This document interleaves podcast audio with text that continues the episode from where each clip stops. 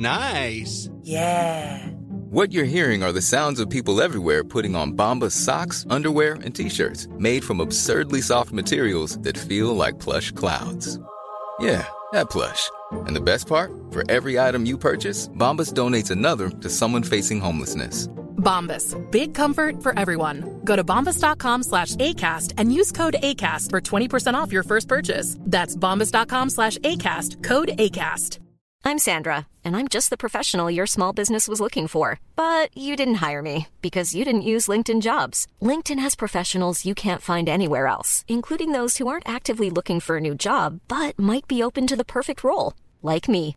In a given month, over 70% of LinkedIn users don't visit other leading job sites. So if you're not looking on LinkedIn, you'll miss out on great candidates like Sandra. Start hiring professionals like a professional. Post your free job on linkedin.com/spoken today.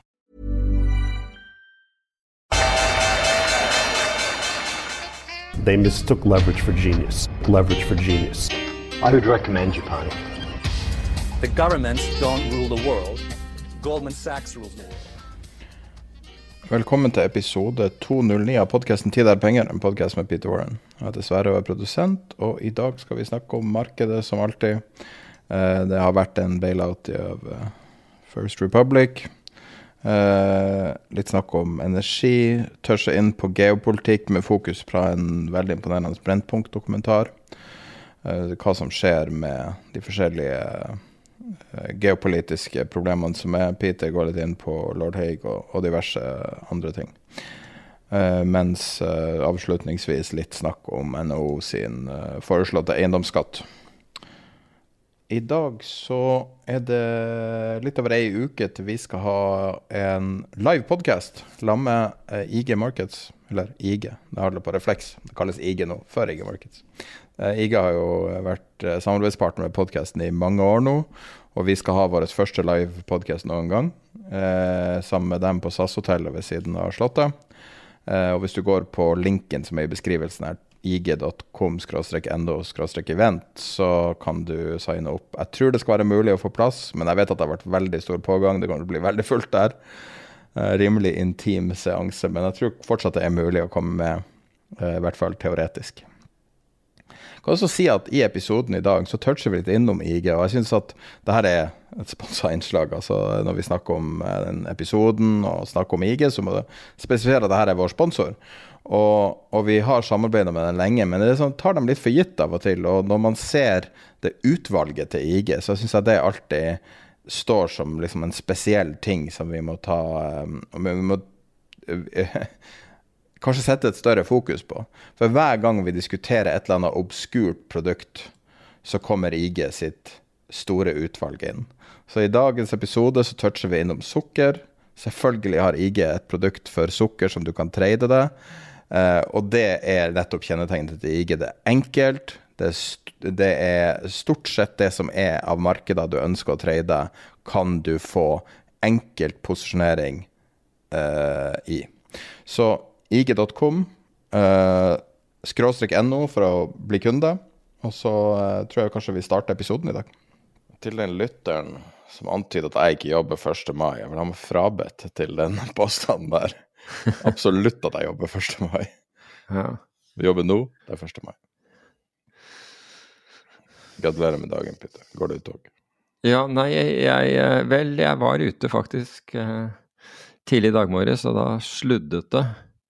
Um, og, men det var noe, det var, det var ikke noe tog, det, var, eller, det vil si at jeg prøvde å holde, jeg prøvde å holde eh, følge med hunden på, på løpetur. Det var, Er det eh, 1. mai-tog fortsatt? Er det fortsatt en greie? Det er lenge siden jeg har sett. Jeg tror jeg du må være forsiktig med å si. Det er jeg helt sikker på det er. Det er, det er, i, hvert fall, det er i hvert fall taler. Så det er sikkert et tog også. Jeg lurer på hvor mye arbeidere det er igjen i alt, Arbeiderpartiet. det går jo alltid et tog, så Også på Jeg 1. mai.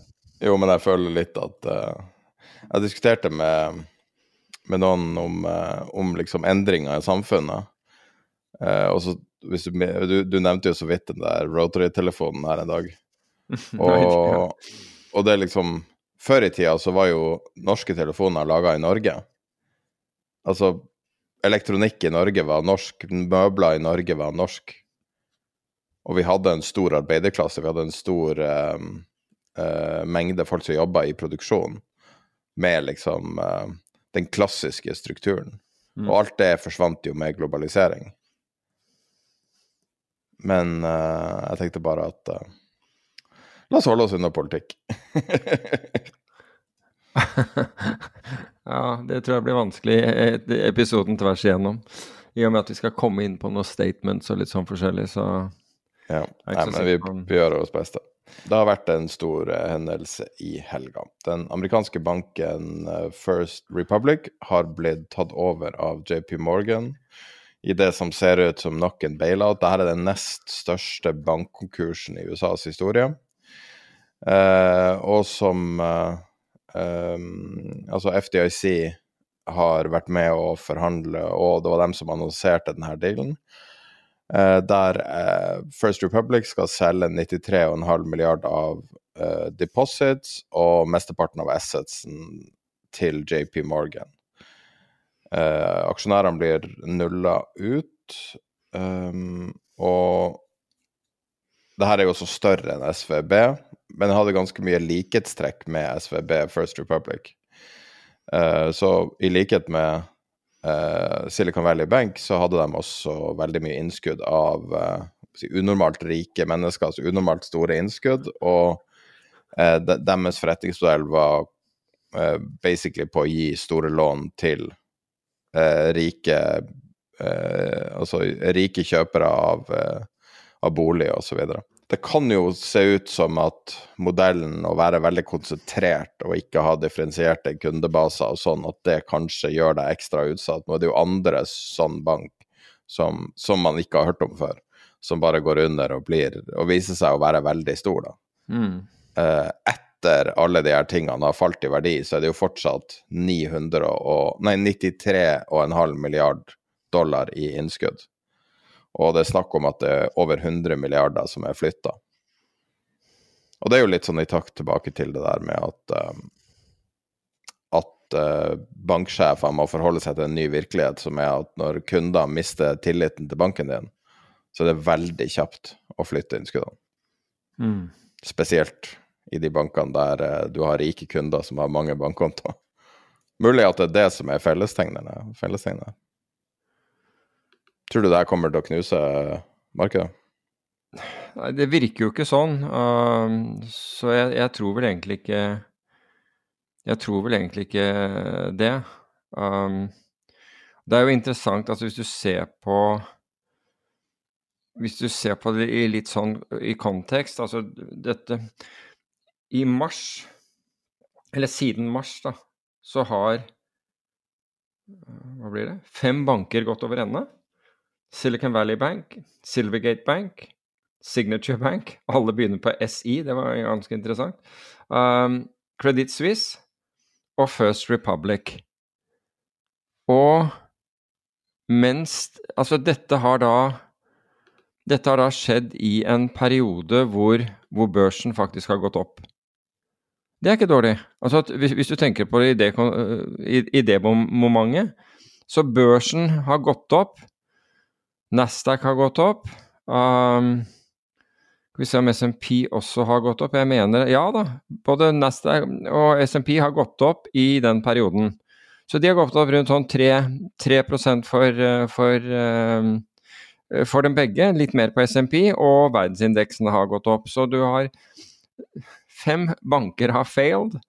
Norge, ifølge uh, ABG Sundal, uh, har takket være det fått, fått vanskeligere kapitaltilgang til norske selskaper, ifølge dem, mens børsindeksen har gått opp.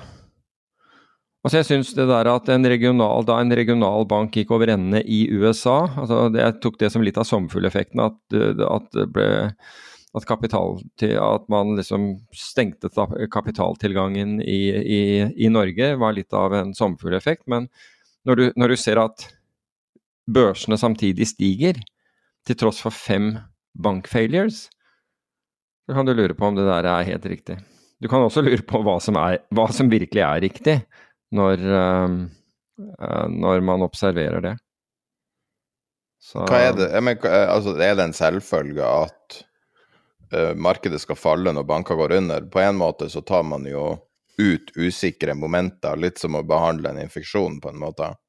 Ja, At du fjerner lenge... et usikkerhetsmoment. Mm. Ja, det er jeg enig i. Bortsett fra det er to, to ting. Det ene, den ene tingen um, er at det var ikke et usikkerhetsmoment i utgangspunktet. Man visste jo ikke om det. Bom, så er det borte.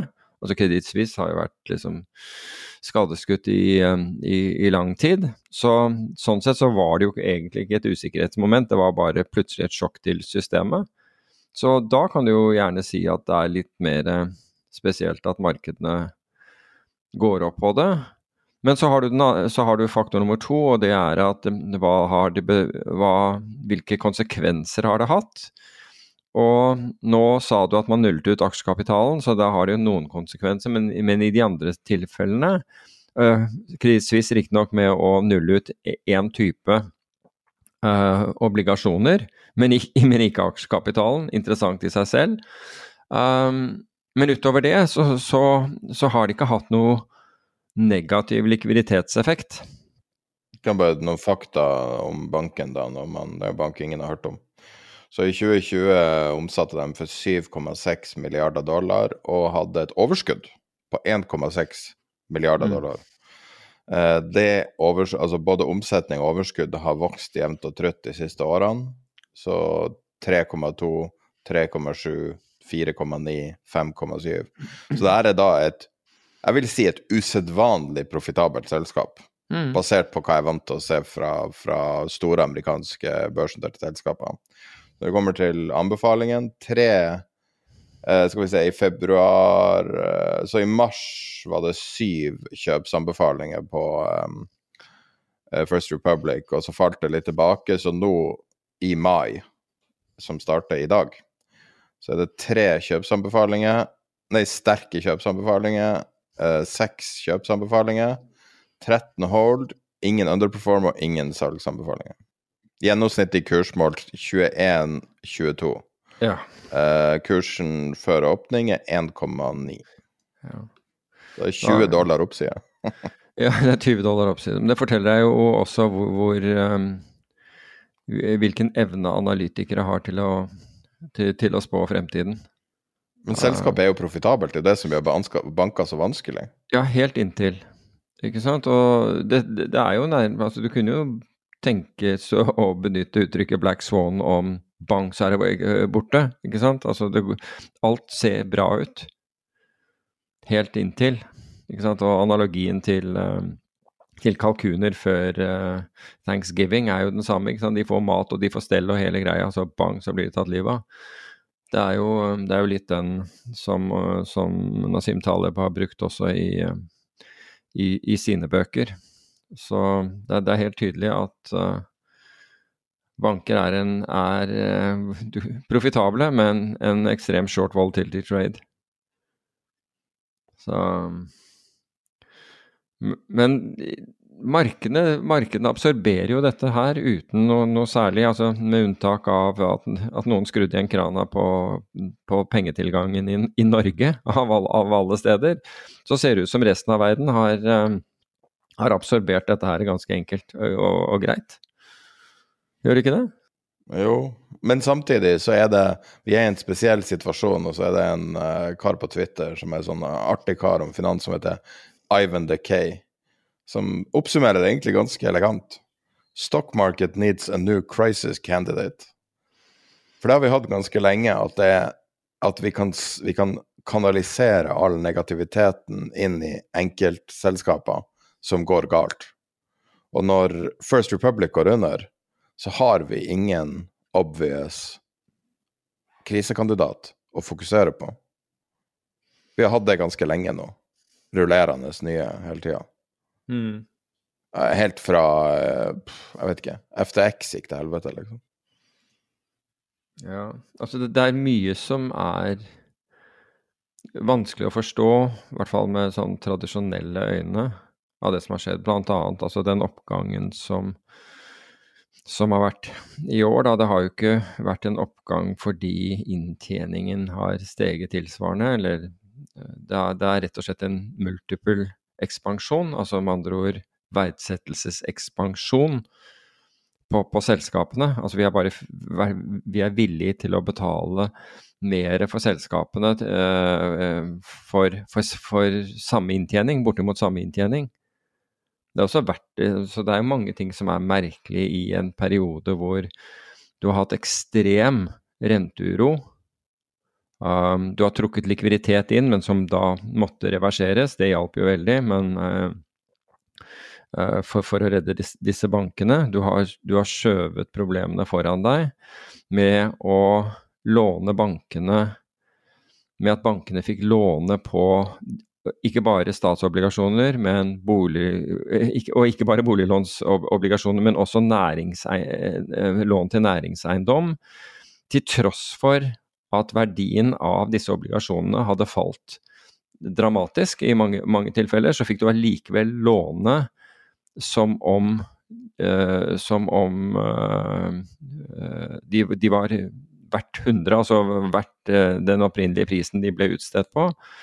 Så det er jo noen tiltak her som sikkert kan brukes til å forklare hvorfor det er som det er, men det er jo merkelig. Og Goldman Sachs er inne på det i en rapport nå uh, som kom denne, ja, for, for, noen dager siden, og det er jo at fordi dette har jo blitt ledet an av teknologi, og helt sikkert mye på basis av, av uh, entusiasmen rundt, rundt AI.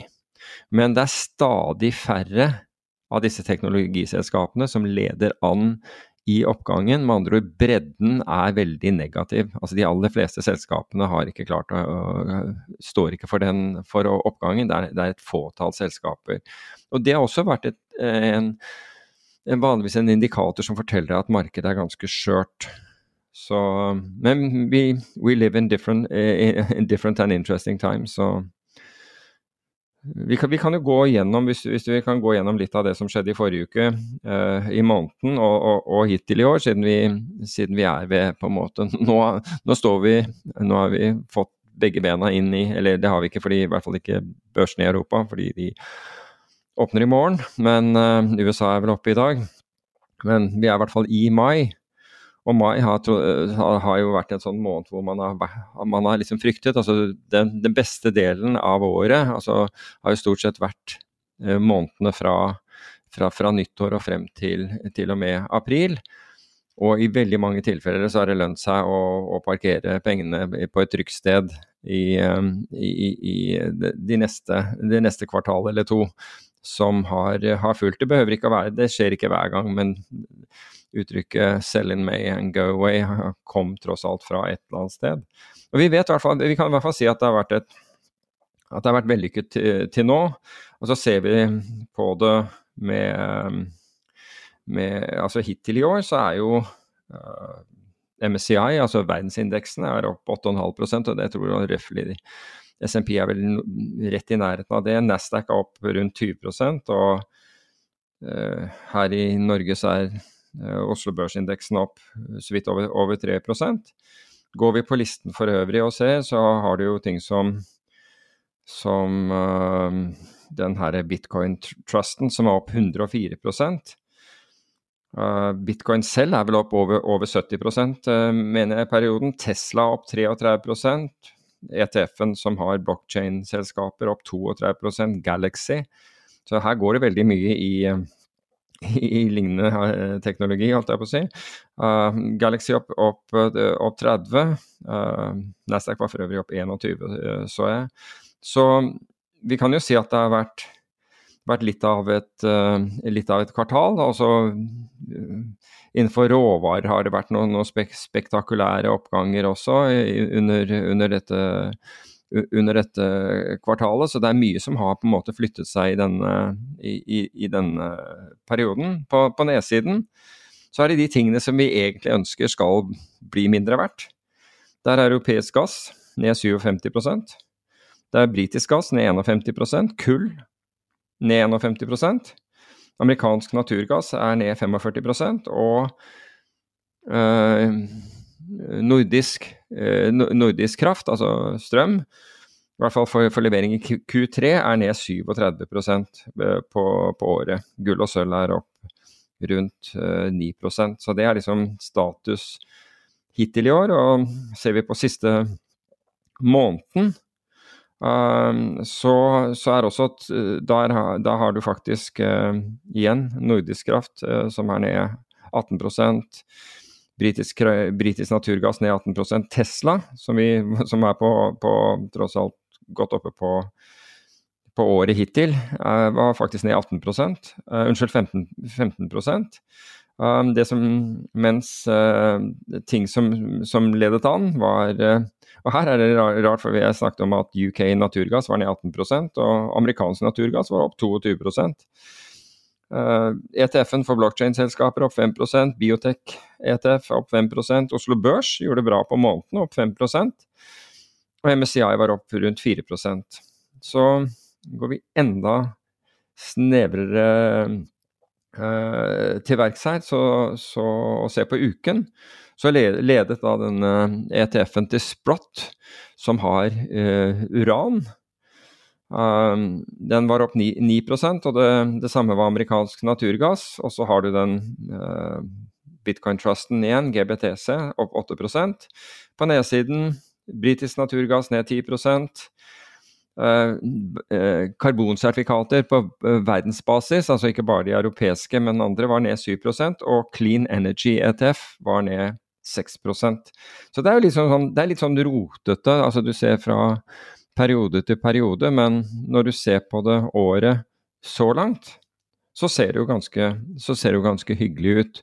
Med unntak av at det er margin-multiplikasjon, altså at man har ø, at, at det er rett og slett vi er vi har økt verdsettelsen av, av, av selskapene, så vi er, vi er, villige til å betale mer for den samme inntjeningen hos, hos uh, selskapene. Og det er jo liksom en ja, Og så er det det med, med, med bredden som stadig blir, blir, tynnere. Så det er vel på en måte tallene, tallene oppsummert. Jeg vet ikke om har du noen kommentar, du, eller? Uh, Sell and May and Go Away var det kom fra Stock Traders Almanac mm. uh, litt før de tid. Uh, på uh, 50-tallet, tror jeg det var da det kom ut. Og Fidelity har sett på den, om, om, det stemmer, da. Og da sier de at siden 1990 har SMP 500 steget 2 eh, fra mai til oktober, sammenligna med november til april, var opp 7% Så stay in May and go away er en statistisk sett uh, bra måte å mm. investere på. Det kan jo være mange årsaker bak det. Um, naturlig er jo å tro at det er knytta til uh, uh, altså sesongvarians i høsting, om det er knytta til matproduksjon, Uh, det er mange naturlige grunner. Litt på samme måte som at man kan at det statistisk sett større sjanse for å få regn i helgen pga. fabrikksyklusen. Um, så det er mulig at det er en sammenligning der. Men det er i hvert fall en reell uh, trend. Eh, ellers så har kvartalstallene underbygd Altså, vi føler jo at vi står på et svakt sted makromessig men hvis du ser på selskapstallene, så er de overraskende bra og har eh, overraska eh, Fire av fem er overraska på oppsida så langt i mm. kvartalet av SMP. da. Og så har du store overraskelser som Meta, Microsoft og, og Alphabet, ja. som alle har, uh, har overraska på oppsida. Men det kanskje mest spesielle er hva er det som ligger bak de tallene? Hvis du ser på Meta, f.eks., Facebook, så har vi jo sett masse kan du si, litt sånn eh, tidlivslesing av Facebook-tallene som indikerer at deres reklamesalg skal gå ned.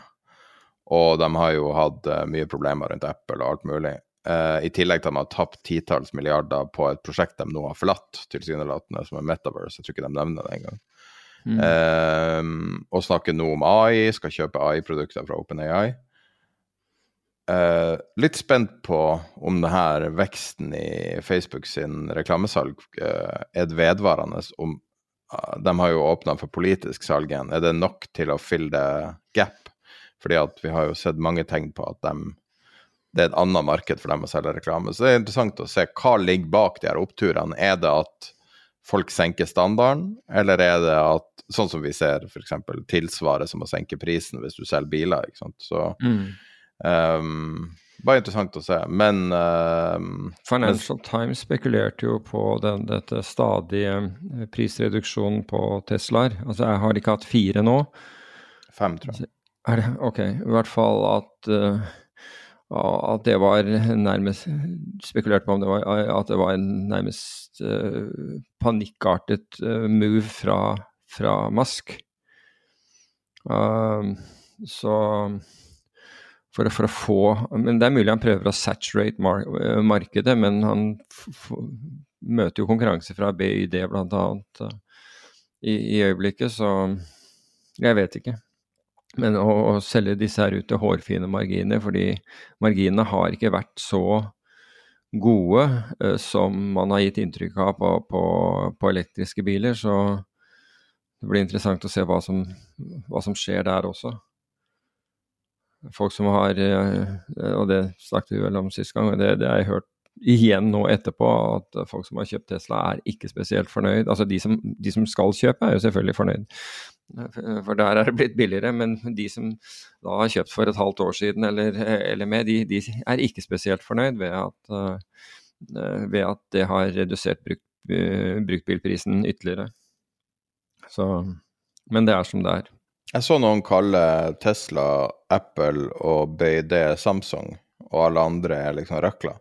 Syns egentlig det var en så god sammenligning, eh, dog kanskje i en tidlig fase.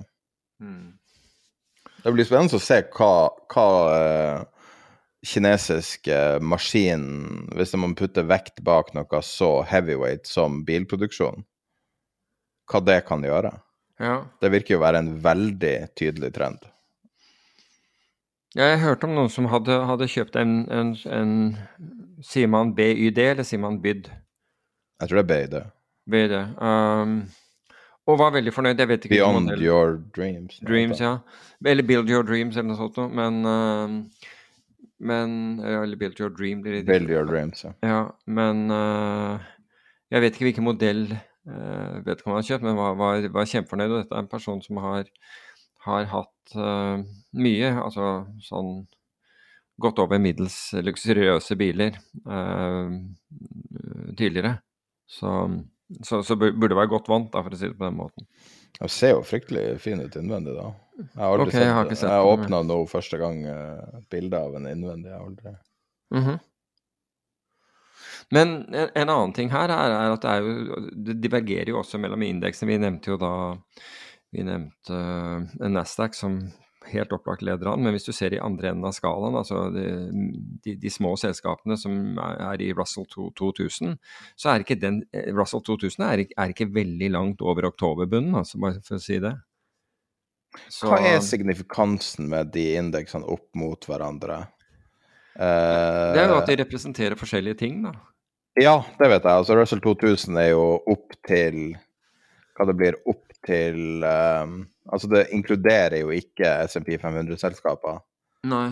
Det er vel opp til SMP 500. Uh, men når du skal analysere det, hvordan gjør du det? Nei, jeg, jeg, gjør ikke egentlig på det. Altså, du kan si at jeg ser på ting som divergenser og lurer på hvorfor er de der. ikke sant? Altså, hvorfor, hvorfor tilsynelatende går uh, de store selskapene så veldig mye bedre enn en de små.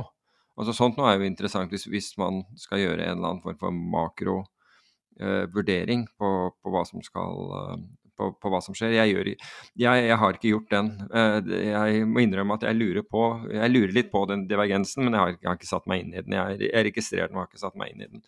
Men når det gjelder for, for, kortsiktig trading, så er, så, er det, så er, jeg ikke opptatt av det, det, i det hele tatt. Det jeg registrerer, er at er at i noen tilfeller så ser du at eh, altså, Og nå snakker jeg om veldig kortsiktig trading, at, at det finnes en viss korrelasjon mellom f.eks. SMP 500-futuren og Russell-futuren. Uh, Men det kan være dager hvor Russell altså, har helt motsatt utvikling av, av SMP 500. Um, og du ville nesten trodd at det var, det var en større, større, sammenheng. Som det er at, at investormassen roterer ut av mindre selskaper, rett og slett, til fordel for store selskaper, bedre inntjening osv. Du, du kunne jo anført det argumentet inntil du da ser at Nasdaq uh, gjør det bedre enn noe av det. ikke sant? Og man, man, kan i hvert fall si at Nasdaq består av en god del selskaper som ikke uh, som, som, ikke har inntjening, for å si det på den måten, eller har veldig lav inntjening, og man håper at de skal få inntjening en gang i, i fremtiden. Så bildet er ikke så enkelt at, at man skifter til selskaper med, med type selskaper med høy inntjening, med unntak av, som vi var inne på i sted, dette med bredden i, i Nasdaq, som da blir stadig uh, tynnere. Det er stadig færre selskaper. Så, så, det er kanskje de selskapene man skal konsentrere seg om å analysere. Og så hvis du tok de ut av indeksen, så ser det veldig annerledes ut. Så jeg har ikke gjort noen sånn makrosak på det. Og jeg er jo Altså Tilbake til det, det, det du utfordret meg på, og, og, som ikke var planlagt uh, for, uh, for, noen uker siden. Dette er gun to my head. Hva, hva trodde jeg om, om, markedene? Og jeg sa alt annet like. Altså, så, så, tror jeg at det skal lavere. altså Så vil jeg heller være short enn long. Men at det er komplekst. og det ble jo også uh, gjentatt av Stan Druckenmiller på NBIM-konferansen som var i, i, forrige uke. Han hadde akkurat det samme synet, og det var, det var interessant. Det var, uh, uten at man skal slå seg selv på brystet for det, for vi, vi, vet ikke hva fremtiden bringer. Men det er jo nettopp dette at verden, altså er, alt det som foregår i verden, gjør at det er jo at det er store endringer, og de store endringene betyr også innenfor aksjemarkedet at enkelte sektorer vil gjøre det bedre enn andre. Men vi kan kanskje komme inn på det hvis vi toucher innpå uh, Nå vet jeg ikke om det var uh, Selina Middelfarts uh, et sitat fra henne, eller at det var journalisten i DN som intervjuet henne, som kom til den konklusjonen, det er jeg ikke sikker på, men, men jeg så i hvert fall 60-40, altså 60-40-portefølje. Det er historie, og Selina mente ja, Hun var veldig proaktiv forvalter. Ja, og hun mente også at, uh, at nærmest indeksforvaltning var, var, død. Men jeg, vi skal, kan kanskje komme tilbake til det, fordi jeg har noen, liksom, kan knytte noen kommentarer opp til det. Men det, det, gjenspeiler for så vidt det som Druckenmiller eh, eh, sa også, syns jeg. Altså han eh, eh, Han la jo tross alt vekt på at, at verden nå eh, at, at den var en mer komplisert verden, og at det var det som egentlig dro, eh, dro altså investeringer du, du, kan ikke si at jeg at nå skal aksjemarkedet eh, falle, altså, og, så går du short alt, alt som er, er, i aksjemarkedet. For han mente at det, var, at det var deler av aksjemarkedet som helt klart ville gjøre det bra. Og hvis vi tar med oss det som øh, den tidligere britiske utenriksministeren lord Haig sa, så må eh, defense spending, altså, uh, hva heter det, altså forsvarsbudsjettene økes og, overalt. De militære budsjettene, uh, kall det hva du vil. Og slik at det blir en det, F.eks. det området der kommer til å se veldig mye investeringer og få ha veldig mye muligheter som følge av den geopolitiske situasjonen. Og det samme vil jo innenfor det fornybare området der vil vi også se eh, veldig mye skje. Så det er Og hvis det skjer innenfor det Og hvis jeg har rett i det, at det skjer, kommer til å skje mye innenfor det fornybare, så kommer det til å, definitivt til å skje veldig mye innenfor visse råvarer. Som er de råvarene som er innsatsfaktorene blant, blant innsatsfaktorene til, til, til, eh, på en måte det, det grønne skiftet, kall det, hva, kall det hva du vil. Så energisikkerhet. Det er, det, er, så mange ting altså det, det, er mange sektorer her som helt opplagt ligger an til å få betydelig eh, kapital og, og invester, investeringer fremover. Så, er, så, man må være mer spesifikk enn å, egentlig å si at jeg, jeg, tror aksjer skal falle. Altså ja, det er, helt, det er alltid aksjer som faller. Men jeg tror vi må se at det er, det er mye mer komplekst bilde nå enn det har vært eh, lenge. Det er mye mer komplekst nå f.eks. enn ved inngangen til 2022, selv om vi hadde jo selvfølgelig energiaksjer som, som steg i fjor pga. situasjonen i, i Ukraina. Men vi fikk da kraftig eh, renteøkning og trakk eh, samtidig likviditet ut av markedene. Og det påvirker jo mye kraft Altså det, det påvirker de aller fleste selskaper. Så, så, jeg kan være enig i at man må gjøre At, det er en mer krevende jobb uh, fremover. Men tror jeg at indeksinvestering er, er død? Nei, men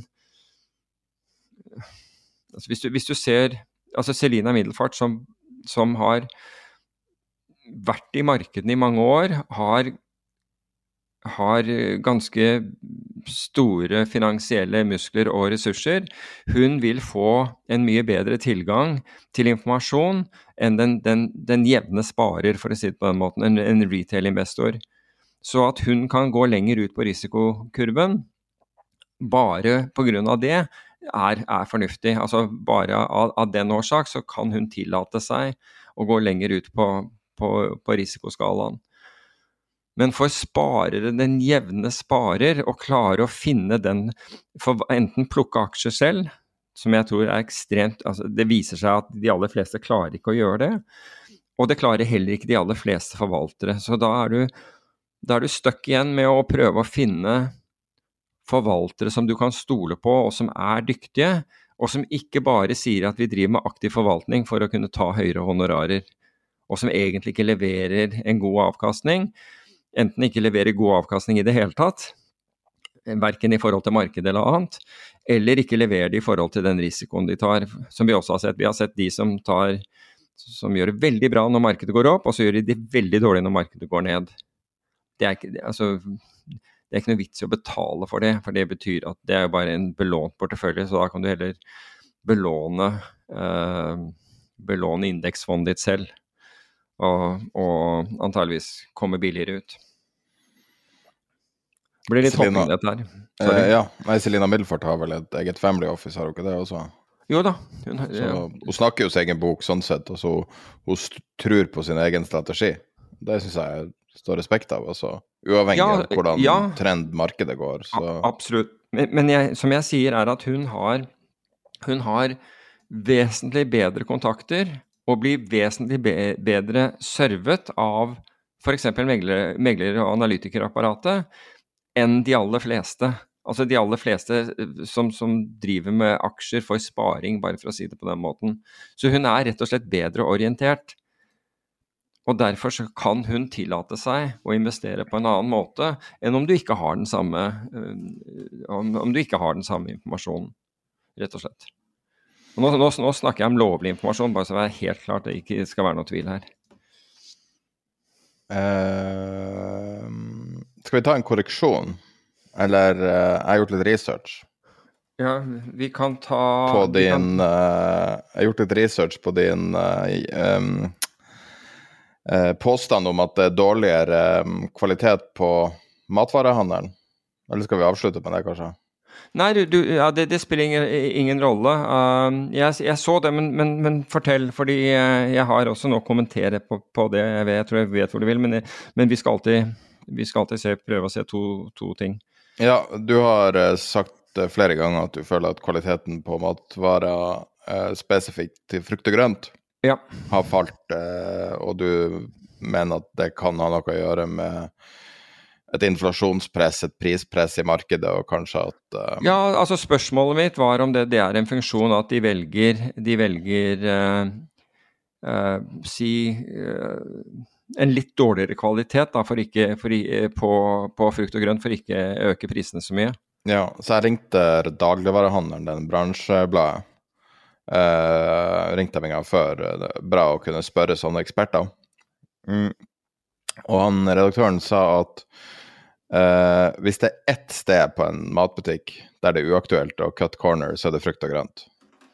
Uh, han sier at det er det førsteinntrykket du får når du kommer inn i uh, butikker, og det ville han aldri tro at blir gjort. Det han derimot sa, er at salg av sånne egne produkter, altså ekstraprodukter fra Coop f.eks., har gått til himmels. Sånn at der har du sett en stor effekt, at folk bytter ut eh, til billigere egne merkevarer. Nå har du jo også sett at, at de prisene begynner å gå opp veldig mye også. Um, det han også sier, er at etter ferien i 2022 så så du en veldig omstilling nesten fra en dag til neste. Og det de har tolka det som, er at folk hadde ikke vært praksis på ferie på tre år, brukte mer penger enn de hadde tenkt, kom tilbake og måtte endre vaner nesten over natta. Og det var da du så ekstraprodukter gå til himmels. Han har også en artig ting å fortelle. Du vet Nordby matbutikken, eller du vet kanskje ikke, men uh, mange vet om Nordby matbutikken som er i Sverige, som når folk drar på, på Mhm. harryhandel. Den er eid uh, 50% av Coop. Visste du? Nei. Så når, Norge, når nordmenn drar til Sverige, så er det fortsatt Coop som får pengene. Wow. Og, uh, og den omsetter for én milliard kroner i året. Én matbutikk. Én milliard. Artig å vite hvor mye du skal handle for for at det skal lønne seg å kjøre dit.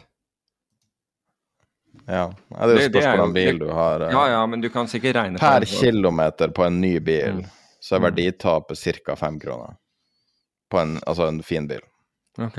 En snittbil er to kroner per kilometer. Så du kan begynne å regne opp. Men ta, ta rein, øh, gå i midten, altså si 3,5 kroner per Hva sa du, mil? Kilometer. Kilometer? God damn, det var, var ikke mye.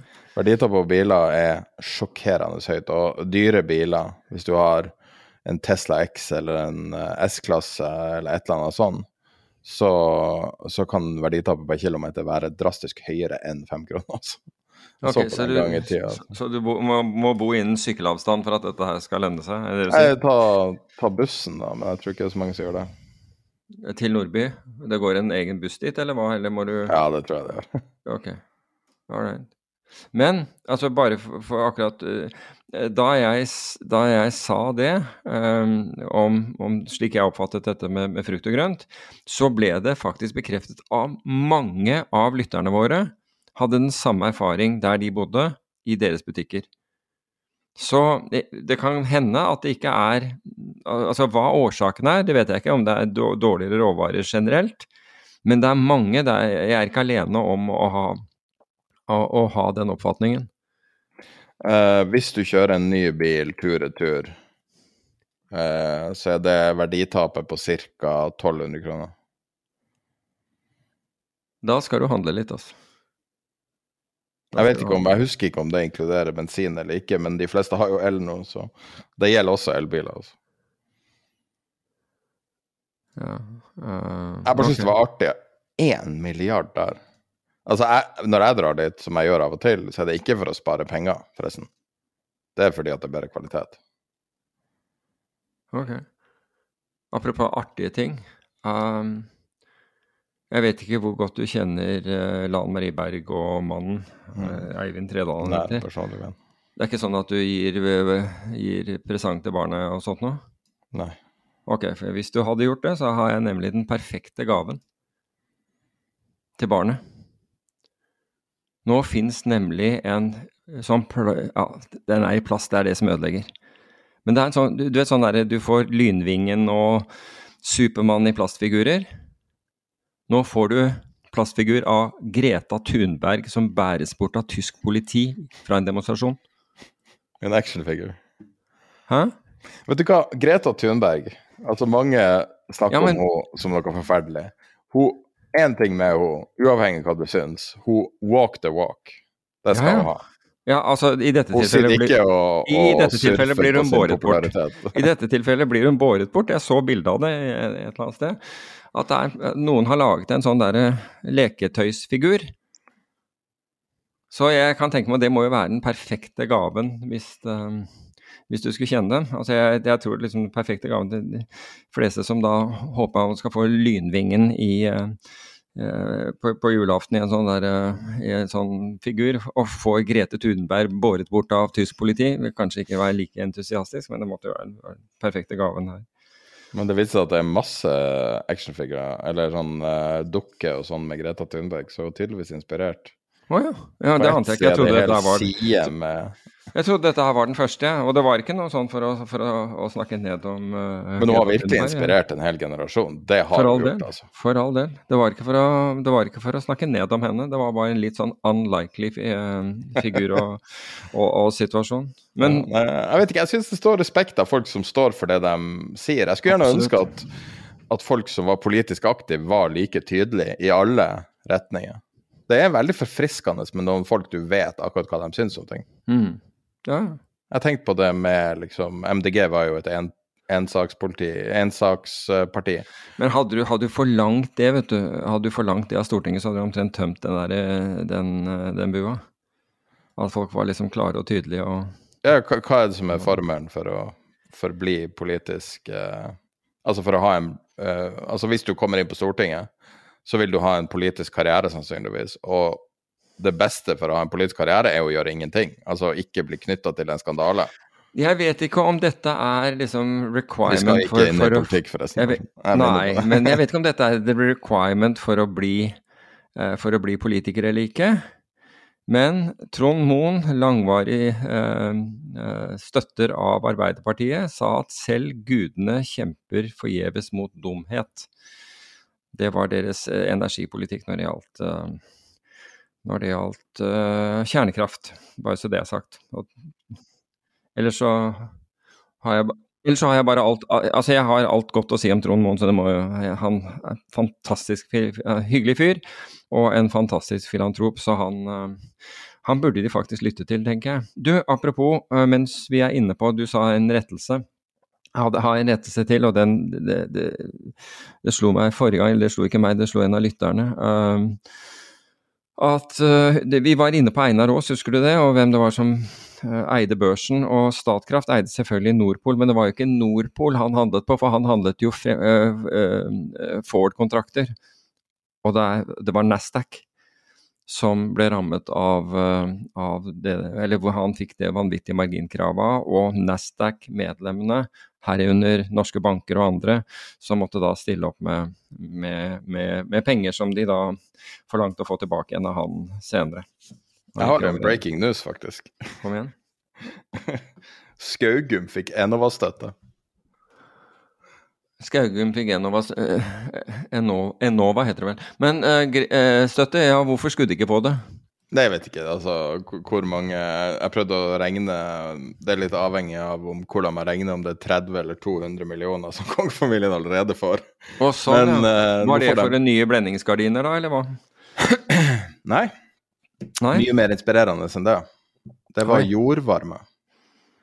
Bergvarme, jordvarme. Oi, der måtte du sikkert bore et stykke, da. Det ligger jo ganske høyt oppi der. Ja, men altså, det er, ganske, det er en ganske triviell sak å bore noen hull uh, for, for, det. De fikk, um, men de fikk ganske mye i støtte, så det må være et omfattende Jeg har bare sett litt på bergvarme, og, og, og, og, det er jeg skulle gjerne ønske at man hadde mer støtte. Det er ganske lite støtte til bergvarme, men uh, Ja, det skjønner jeg ikke. Altså, når du tenker på hva det Jeg tror det er 10 000 kunne... eller 15 000 du normalt får. For... De fikk 15 000? Nei, de fikk 250, så det er sikkert Hæ? noe veldig eller, eller, jeg vet ikke. Jeg bare så det på en oversikt. de fikk to, Du får vanligvis 10 000-15 000, og så fikk de 250 hvor, hvor, Vet du hvor mye de sparer i året på det? En, hvor kom det der bor ut hen, da? I Australia, eller? Med en energipris på to kroner per kilowattime utgjør besparelsen på Skaugum 650 000 kroner. Ja, der ser du. Wow. 600 650 000 kroner sparer Skaugum på bergvarme. Oh, wow. Normalt koster den 300 000. Der, der må det komme en skatt, vel. Det, der, det, lukter jo skatt med en gang. Du må jo betale en leie for, for, for den bergvarmen. Det, det, kommer, det er jo det det kommer ut. Du må betale, du må betale som, om du har, som om du har solgt den bergvarmen til noen andre. Men bergvarme er helt fantastisk, altså. Ja, ja, absolutt. Men, men dette her dette lar ikke den regjeringen gå fra seg når det gjelder skatt. Altså. Her kommer det løpende. Men bergvarme, hvis du ikke vet hva det er, så er det um, at du, du har ei væske som går, sirkulerer under bakken. Du borer hull i bakken. Og, uh, og så har du ei væske du sirkulerer, og så får du da en, en uh, sånn temperaturforskjell. Uh, mm. For du har, det er varmere i bakken enn det Så det er ikke sånn som varme kilder, men det er liksom i den retninga. Og så har du en eh, et sånn maskin, kompressorsak, som står på toppen, og, og den må byttes hvert 20. år. Og, og, den er mye av kostnaden. I til, oh, ja. altså, det funker best hvis du har radiator eller vannbåren varme, eh, for da kan du koble systemet rett på. Det, det er et ganske magisk system. altså. Når, når man snakker om liksom Jeg har eh, vannbåren varme, jeg, så det her er bare å dra fram drillen og starte, tror jeg. Ja, men det kan vi gjøre. Så... Bare å ringe og bestille, så får du koble, på, eh, koble det rett på. Ja, Vannbåren varme og solenergi, hvis du har de to tingene der, da har du, du har vannbåren varme som skaffer deg uh, gratis varme i gulvet, og så kan du selge solenergien tilbake til nettet. Da går du med durabel pluss. Her, her kommer en skatt. Her må det komme en skatt. Ja. Men det er litt inspirerende. Jeg skulle ønske at kongefamilien kanskje hadde gjort litt større nummer ut av at de satser på noe som er så ukjent i Norge. Det er jo svært i Sverige. Norge har nesten ikke noen aktører som driver med det engang. Det er noen få selskaper som driver med bergvarme. Mm. Men det er veldig inspirerende. Så, og, og, det er jo sånne ting som virkelig kan være ei løsning, altså en sånn permanent løsning på energiproblemer. Mm. Gratis varme fra bakken.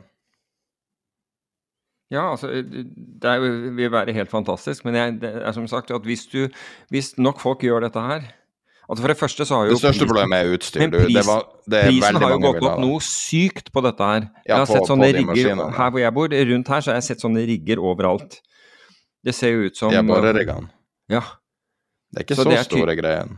Nei, men det er Det er, det er, det er på tilhenger bak en bil. Ja, jeg, jeg, har sett noen sånne beltedrevne greier og litt sånn forskjellig oppi her, jeg, men uh, greit nok. Men, uh, men, prisen på dette her har jo gått noe så sjukt opp. Fordi man har, man har sett, uh, sett, det som en mulighet, ikke sant? For å, jo, men det er jo også penger. ikke nok råvarer. Altså det er ikke nok og, maskiner. Sånn som det er ikke nok solcellepaneler. Og, og de som driver med dette her, de vil gjerne da ha Du må bruke deres rørleggere og deres dette og deres elektrikere og hele greia. Er noe jo, sånn, men gratis strøm i 20 år. Ja, du får ikke gratis, du betaler jo det hvite ut av øya for å få dette på plass til å begynne med, så du har en ganske heftig investering til å begynne med. da. Jo, men det er sånn, altså jeg tror det er mulig å få det. Det var i hvert fall det de sa tidligere, at det kosta fra 100 til 300. Jeg kjenner noen som installerte det og betalte 600.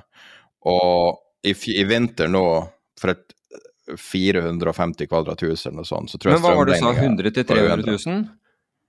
Det er det, de, det, er det de har jeg sagt. Jeg hadde en på besøk her, og, og det var ikke Det, det skulle ikke bores, det, det, var luft Hva heter det for noe, den, den, andre versjonen? Hvor du har en sånn boks på utsiden. Ja, det er altså eh, luft til luft, eh, vann ja, ja, varmepumpe. Varmepumpe, ja. Som, som, da, og den virker jo egentlig best mellom minus syv og pluss. Du kan koble det her systemet på varmepumpa. Pluss syv. Det, det, skulle de ha kvart million for.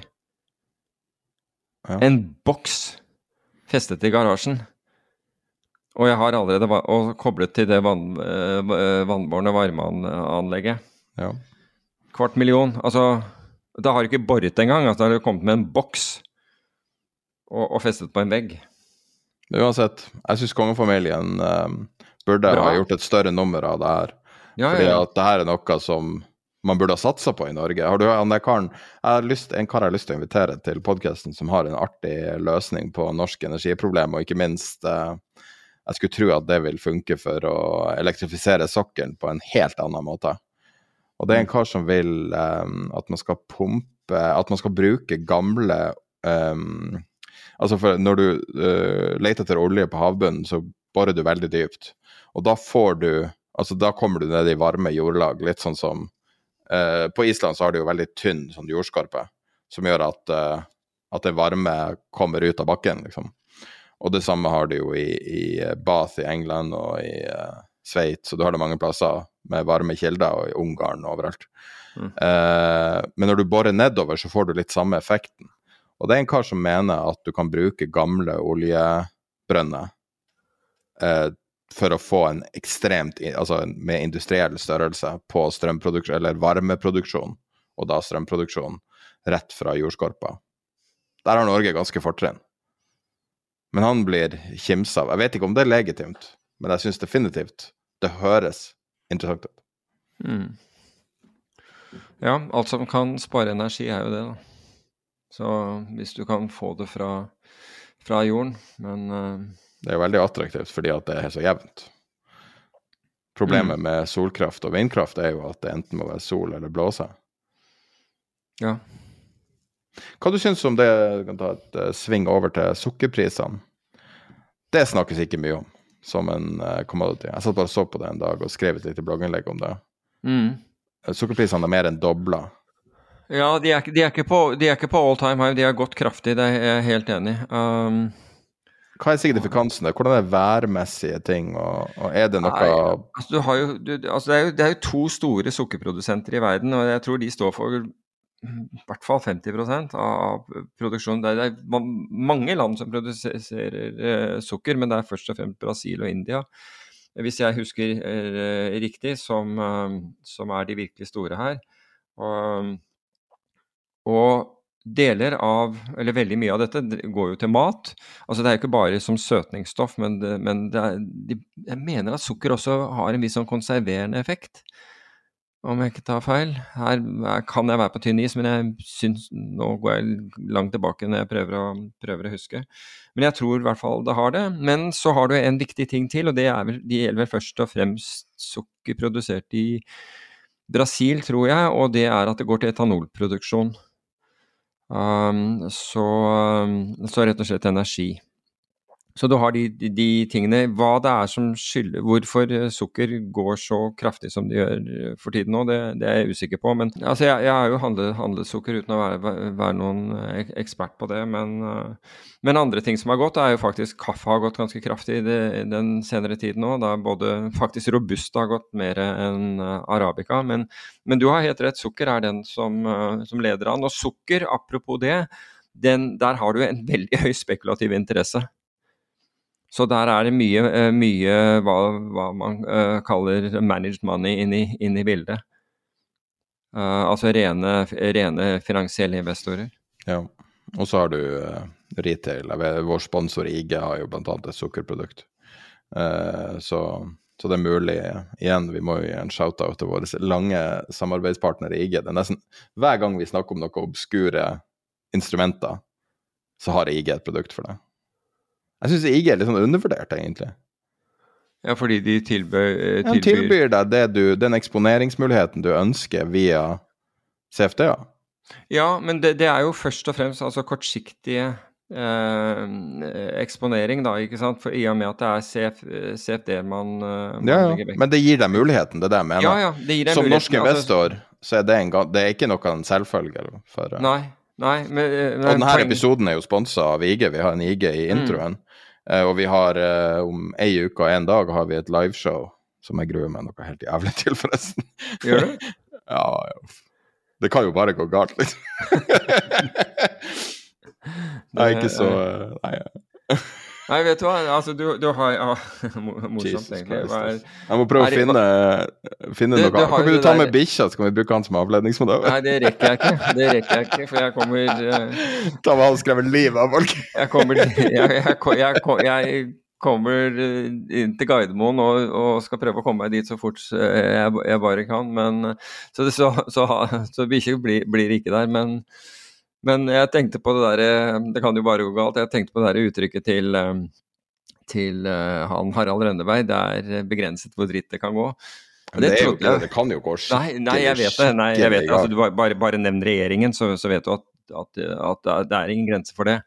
Så um, Imponerende så klart å gjøre det til politikk. Den den, den slo jo den i, i filler, den regjeringen. Det skal, det skal de ha. Um, Men jeg har liksom sett eh, jeg husker et klipp fra gammelt svensk TV der det er ei dame som uh, kaster opp live på TV. altså, det kan alltids gå skikkelig galt, liksom. Også med mildt sagt litt sky, så Oh, wow. Ja, så da, er det, uh, ja, da sliter du litt. Da, da sliter du Vi er jo i forskjellig grad av samme, samme problemer, liksom. Ja, så ja. Men nei, ja, vi har live-podkast over altså, uka i dag. Men jeg, altså, jeg, ser jo frem til jeg, jeg ser frem til det. Det, blir, det, er et annet format, og det blir, det blir spennende. Jo da, det er jo min personlighet. Så, Nei, det, er veldig artig. Det er utrolig mange som har signa opp. Uh, jeg tror det er ei venteliste, eller at det er noen plasser som har falt bort. Så du må signe opp. Uh, det ligger en link i beskrivelsen av denne episoden på, på podkast-appen din. Så det er noen muligheter for å være med fortsatt. Og det blir artig.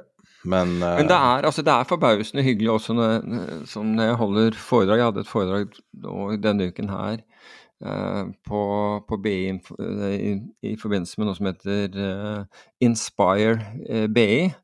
Um, og det er, det er utrolig ålreit å, å, å, å, møte publikum. I dette tilfellet var det jo selvfølgelig studenter, men men spørsmålene? Altså, Det er mange ting man egentlig ikke har tenkt på, på, på forhånd som de spør om. og som du, jeg, jeg vet ikke, jeg liker det. Da, Jeg liker det formatet. Jeg gjør det. altså. Det var i et auditorium, og det er veldig har alltid likt egentlig jeg, auditorium, fordi du får, du får, veldig god kontakt med, med, med, de som er der. Men, uh, med et veldig ålreit event, da. Så jeg ser frem til det på Eh, på den niende. Absolutt. Jeg prøver å se, jeg skulle se om det var mulig på, eh, på IGs side om det var mulig å finne ut om eh, om det var mulig å eksponere seg direkte for crackspreaden. Jeg prøvde å få en overgang til å snakke om crackspreaden. Men, uh, men, det er vel strengt tatt ikke mulig å gjøre i noen produkter? Uh, selv, nei, du gjør jo det Du gjør jo det gjennom uh, Altså, du, du, har jo, altså, du har jo produktene i seg selv. Du har jo, ikke sant? Du har jo olje Jetfuel tror jeg ikke er på børs, så vidt jeg vet. Så har du diesel, som er på børs. Og så har du uh, gasoline, som er, er på børs. Uh, så du kan jo på en måte lage Og selvfølgelig Nei, speil, olje. Spread Future. Ja, altså du kan jo gjøre det gjennom, uh, gjennom olje i forhold til diesel i forhold til, uh, til, til produktene, da. Ja. Men, Men kan ikke du fortelle oss om crackspreaden? Jo, fordi det var, det var en teit overgang, forsøk på Nei, men altså vi, vi snakket jo om, om Ettersom grepene, altså vis-à-vis -vis embargoene, hva heter det på norsk? vis-à-vis Russland. Altså sanksjonene, sanksjonene mot Russland da eh, skulle nå eh, også inneholde eh, destillatene, altså produktene, altså det oljeprodukter, ikke bare råolje, så fryktet man at det ville bli dieselmangel i verden, rett og slett. Og det var, det var ikke en ubegrunnet frykt for så vidt, fordi Russland sto for en veldig stor del av, av dette. og Diesel er jo et raffinert oljeprodukt, altså som, som da kommer fra, fra, fra, olje. Og diesel brukes i tungmaskiner, tungtransport. Altså diesel er det vel, vel et veldig uh, anvendt industriell energikilde, for å, si det, for å si det på den måten. Um, så, så det var jo på en måte en berettiget frykt og forut for det, pga. stengningen i Kina, altså under, under, covid, så var det jo flere raffinerier som reduserte eh, sitt output, og sågar også stengte ned. Slik at raffinerikapasiteten var veldig lav, og kombinert med da at russisk diesel ikke lenger kunne, kunne eksporteres, og i hvert fall ikke flyttes på, eh, på uh, europeiske skip, så var det en berettiget frykt. Men også der, altså vi skal komme inn på, uh, inn på dette med energisikkerhet litt etterpå, når vi snakker om Skal vi ta en kjapp ting hva crackspreaden er for noe? Ja, ja crackspreaden jeg, jeg, kan bare ta en kjapp ja, ja, kom igjen hvis du vil. Ja, for det er jo en vitenskapelig ting, egentlig, og som er finansifisert. Uh, mm. Så du putter inn uh, råolje inn i et raffineri. Det er jo veldig skitten prosess med raffinering. Så putter råolje inn i en, i en, en, en um, Altså varme opp råolje, og så fordeles de forskjellige produktene ut for, fra hvordan temperatur det er forbrent på. Så 20 grader er petroleumsgass, 150 grader er bensin. 200 grader er altså flybensin, kerosene.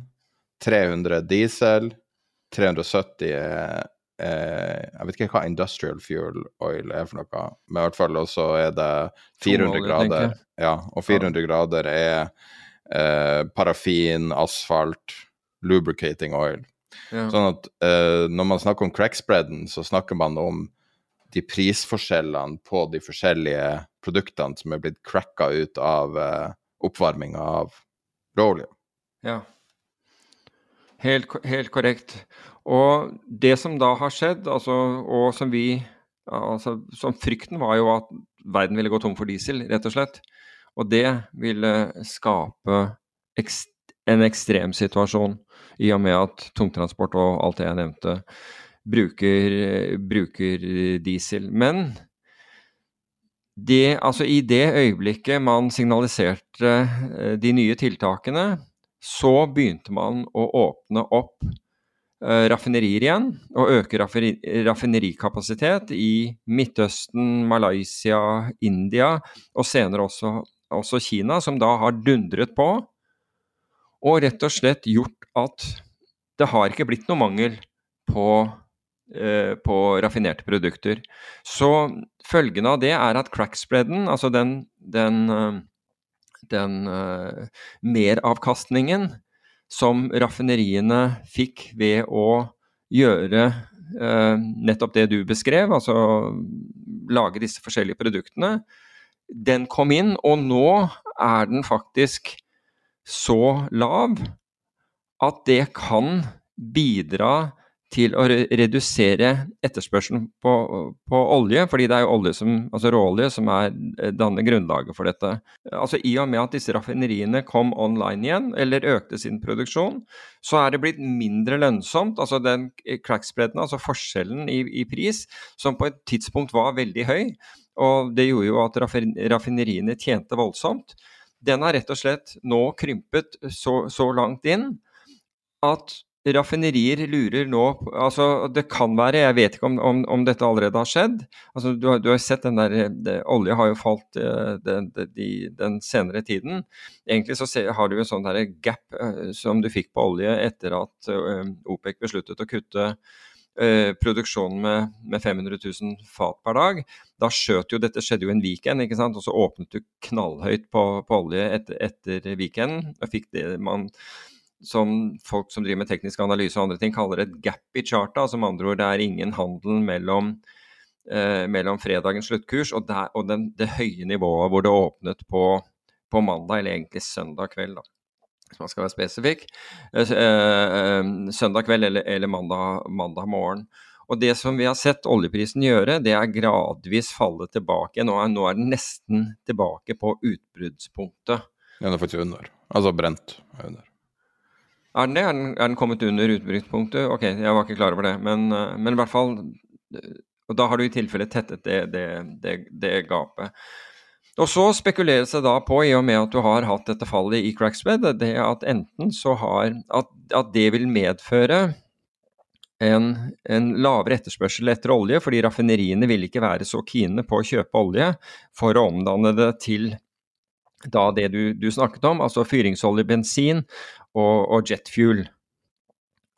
Og, og, hvis vi ser på, også på oljekurven, men dette gjelder veldig mange råvarer, så er de nå i backwardation. Og hvis du ser på Bloomberg sin eh, råvareindeks og ekskluderer Natgas, altså nat eh, amerikansk naturgass, som helt berserk, går helt berserk for tiden eh, når det gjelder, når gjelder forward-pris, så er indeksen i backwardation med ca ca. røftlig 2 i, på et år. Med andre ord, hvis du kjøper Altså hvis du, hvis du kjøpte hele kurven av disse råvarene øh,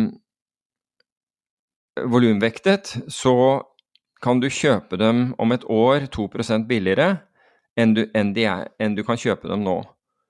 Så det er ikke bare olje, oljefutures som nå har gått fra contango til backwardation, nå er det mange andre ting som er i backwardation også. Det vil si, altså, sagt på en annen måte, du, hvis du venter, så får, får, du kjøpt det billigere. Altså, hvis du, hvis du kjøper olje for levering om seks måneder, så er den billigere enn olje for levering i dag. Så tightnessen, altså den uh, iveren etter å kjøpe, kjøpe olje eller råvarer, er, er mer akutt. Altså er i øyeblikket folk vil ha inn råvarer og er villige til å betale en premie for å få de inn uh, umiddelbart.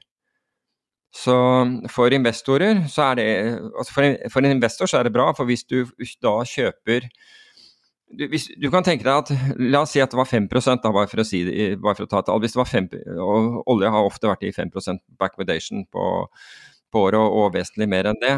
Uh, men, men da, hvis du kjøpte da olje for levering i f.eks. desember, og den var 5% under, under spotprisen, da selv om Hvis spotprisen står stille, så tjener du 5% Hvis den går opp, så tjener du selvfølgelig mye mer, men den skal falle da mer, oljeprisen skal falle mer enn 5 for, for at du skal tape penger på denne handelen. Så for finansielle investorer så er backwardation ganske gunstig å investere i. Og contango-markeder, som er det, motsatte, med andre ord at Ford-kursen er høyere enn prisen i dag, så, øh, så, koster det deg penger å rulle disse kontraktene. fordi da må du selge altså Hvis du skal fortsatt være La oss si at det var ja, la, la, oss si at øh, bare, bare, ta en, en annen råvare. La, la, oss si at det var kobber, og, kobber så måtte du i, i, så fall kjøpe kobber, og så sitter du da til like før forfall hvor du må rulle den inn i den neste månedskontrakten eller neste tremånederskontrakten, men da selger du billig og kjøper dyrt. Så da, da betaler du denne roll-yielden, så da går den mot deg. Men, men, var, men, når det er i backwardation, så selger du den dyrt, og så kjøper du den neste billigere. Eller du kan kjøpe den lenger ut på kurven og slippe å gjøre disse rulleringene hver, hver um, annen eller tredje måned, avhengig av hvor, um, hvor, hvor aktiv du er. Så um, det er litt av Altså hele råvaremarkedet er ganske interessant nå uh, med tanke på den backwardation som er der. Og dette med crack spreader og backwardation contango osv. Det er også gode eksempler på hvorfor hvis du skal investere uh, i uh, i f.eks. råvarer, da, så er det uh, som dette gjelder, så er det greit å, å vite om, uh, om disse mekanismene. Fordi hvis du ikke vet, vet, om det, så er det fort gjort at det blir dyrt. F.eks. at uh, altså i, i, et bratt kontangomarked, ikke sant, så, så gjør du, du, du har den rette ideen, men, uh, men f.eks. det å uh, Forward-kurven er så bratt at, klar, at, at, det blir ikke penger av det likevel. Sånne ting. Altså Hvis du så, så på var det markedet i fjor på det var vel Bloomberg Commodity-indeksen og ETF-en på den i fjor, så ga jo den vesentlig mindre avkastning enn spot, eh, enn den spot-indeksen. Altså når du så spot-indeksen, så var vel den opp jeg husker ikke noen av 20, og så tror jeg i realiteten så endte du opp med en avkastning under 8. Fordi det kostet deg så mye å rulle disse, disse kontra kontraktene fordi markedet var i, i kontango. Og, det, og, hvis du ikke vet hva som foregår da, så, så, er det veldig fort gjort at du lurer på hva i helsike skjedde der. Det her, går dette her eh, bort i kostnader? Men det har ikke noe med kostnader å gjøre, det er, eh, det er rett og slett uh, markedsdynamikk. Nå har vi glidd litt ut i dag. Vi skulle snakke litt om geopolitikk. Vi kan kanskje eh, ta utgangspunkt i den fenomenale dokumentaren som gikk på Brennpunkt forrige uke. Jeg legger link ja, den, den, den tror jeg er på. NRK, altså du får den på NRK-appen også, den NRK Ja da, jeg legger link i nyhetsbrevet også. Mm. Uh, det var andre episode i en, en sånn miniseriesak, som, minidokumentarserie, som er laga i samarbeid med Det ser ut som det er dansk uh, produksjon. Uh, som handler om russisk påvirkning i nordiske farvann. Mm. Jeg vet ikke om det går an å spoile en dokumentar, men la meg gjøre det, da. Når, når de drar ut med den lille jolla si Gummibåten. Og møter opp foran det som ser ut som et, et krigsskip som er malt hvitt. Altså det er et etterretningsskip av et eller annet slag. Som ligger i anker i svensk farvann, og det er bevæpna russiske soldater om bord, tilsynelatende. Ja. Når jeg så på det på TV, så tenkte jeg jeg tror det her er noe av det mest spennende ekte jeg noen gang har sett. Det her føles som to personer som står og har øyekontakt, som på en måte kan trigge noe globalt hvis det her mm. interaksjonen går galt. Og så handler det jo om da at de, at de sporer de her fartøyene som har slått av AIS-en sin, og reise fra uh, energiinstallasjon til energiinstallasjon. du kan forklare AIS, da. Det er ikke sikkert at alle lytterne vet hva, hva AIS er. eh, en enhet du må ha i alle båter på større enn en, større enn en robot omtrent, som eh, sier hvor du er hen til enhver tid. Du må ha Ja. aksom i fly. GPS. Og, og det er jo, du er pliktig til å ha den på. Og eh, helt åpenbart at de her eh, russiske tilsynelatende sivile, men egentlig militære båtene, og de er jo så store at du nesten kan kalle det et skip. Og, um, og de reiser rundt og ser på alle energiinstallasjoner i, uh, i Norden. Uh, og med tanke på hva som skjedde med deres egen gassledning der de samme skipene er blitt observert, Mm. så kan man jo tro at uh, i praksis kan de jo ha plassert sprengstoff hvor som helst på havbunnen, som ligger klar til å detoneres hvis man vil. Ja, Det er det de spekulerer i i dokumentaren, i hvert fall. Og, og det var jo også norsk politi som var om bord et eller annet sted oppe i Nord-Norge, jeg husker ikke hvor det var. Tromsø. Var det Tromsø de gikk om bord i det, det, det skipet hvor, uh, hvor de liksom gjennom på en måte vanlig gjennomsøker skipet, og så er det et låst uh, rom om bord i det skipet, og så ber de dem åpne der, og der sitter en kar inne med militært ut, uh, militære radio, radioer og hele greia, som da tydeligvis driver en eller annen form for etterretningsarbeid. Da. Så det er jo alle disse, disse skipene, russiske båtene, som går i, uh, i norsk farvann. Og, altså, og, og svensk og dansk, for den saks skyld. Da. Men det er en veldig god Jeg er enig i den. Eh, det, er, det er et godt stykke arbeid de har gjort der, den, eh, den redaksjonen. Virkelig. De har jo tydeligvis en De kaller det en britisk kilde. Å høre etter. Jeg skulle høre om det var, var din, din måte å snakke på, men det var det ikke. Jeg lurte på om du var, det var en kar som Nei, hadde jobba i britisk forsvaret, sa du. Ja, nei, det var, var ikke dette en kar fra, fra britisk, altså Royal Navy, en annen som hadde drevet med signaletterretning og, eller, eller avdekking av det i, eh, i eh, britisk etterretning, tror jeg. Men en ting jeg ikke skjønner.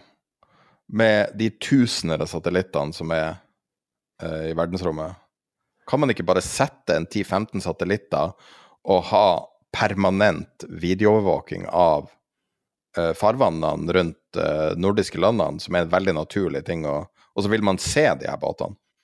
Uavhengig av om de slår av måleinstrumenter.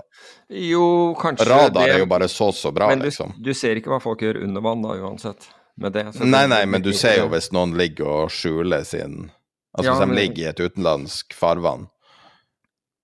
Det er, vel, det er veldig mye båter, men det, det er klart at de gjør jo en, en kjempeinnsats her. fordi de, de klarer jo å, å skrive dataprogrammer som trekker visse båter, og du ser det er en som går frem og tilbake over noen kabler, og det er helt voldsomt. Men, men øh, det, det slår deg jo Altså, det, slo meg allerede før, øh, før jeg så den, øh, den dokumentaren, at årsaken til Altså, Putin trodde at siden han forsynte Tyskland med nesten all den energien som, som, som, Tyskland trengte gjennom gass, så var det begrenset hva Tyskland og, og Europa vil gjøre i forhold til eh, Russlands invasjon av Ukraina. Og hadde det ikke vært for at Norge eh, sendte gass til Tyskland og Europa, så hadde det blitt jækla kaldt der i vinter. Selv om det var en mild, mild vinter, så er det klart at det hadde hatt en enorm betydning Altså hvis man ikke hadde fått den fra Norge Nå fikk man LNG fra, fra andre land også, bare, bare så, så, det er sagt, men i forhold Altså Norge da eh, sendte gass ned, ned til, til, til, Tyskland, og altså hadde man ikke hatt den, så hadde det nærmest vært katastrofalt. Og hvis vinteren ble kald, ordentlig kald, da, det hadde ikke vært nærmest katastrofalt, da hadde det vært katastrofalt for, for, for, Tyskland. Og det er klart at på et eller annet tidspunkt da så, så måtte man måtte helt sikkert Tyskland revurdere i, hva, de, hva, de, drev med, og, og, og sitt ståsted. Vel, nå har man jo styrket i hvert fall en del av vaktholdet i, i Norge, men konflikten er ikke over, og den ser ut til å bli langvarig.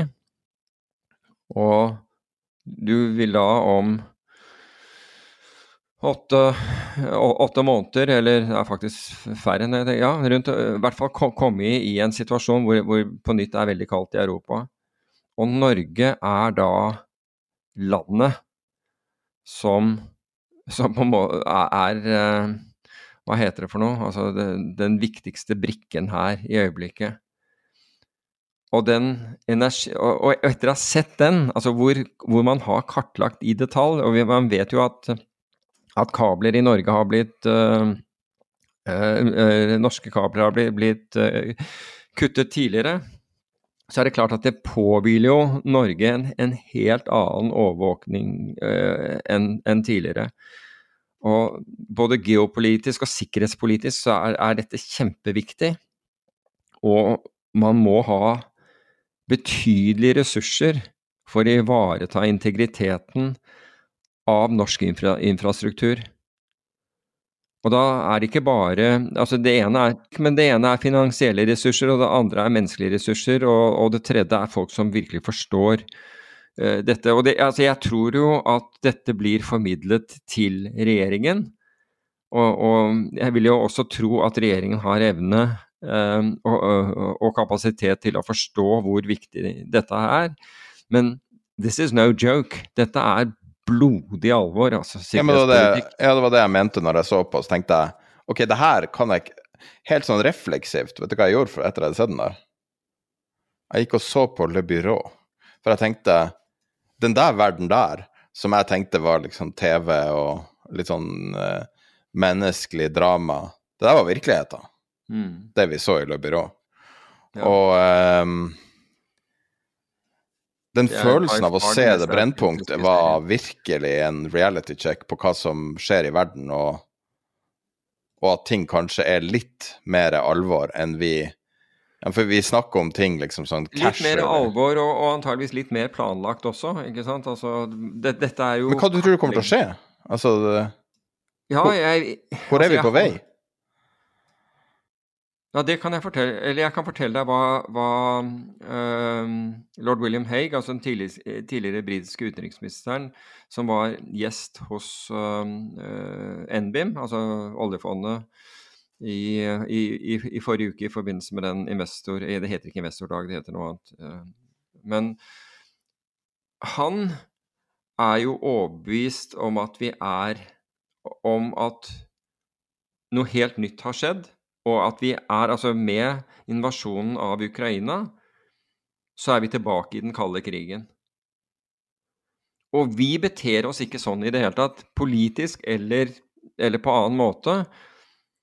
Og, det, gjør, og det, gjør, det, er ikke, det, er ikke, Norge alene om dette her, så dette er ikke en refleksjon som Eller en kritikk av, av, av Norge, men de aller fleste land som ikke er direkte berørt, fortsetter nesten som om ingenting har skjedd. Ja, kostnadene våre har gått opp, og delvis er det, er det som, som, følge av, av, av, det.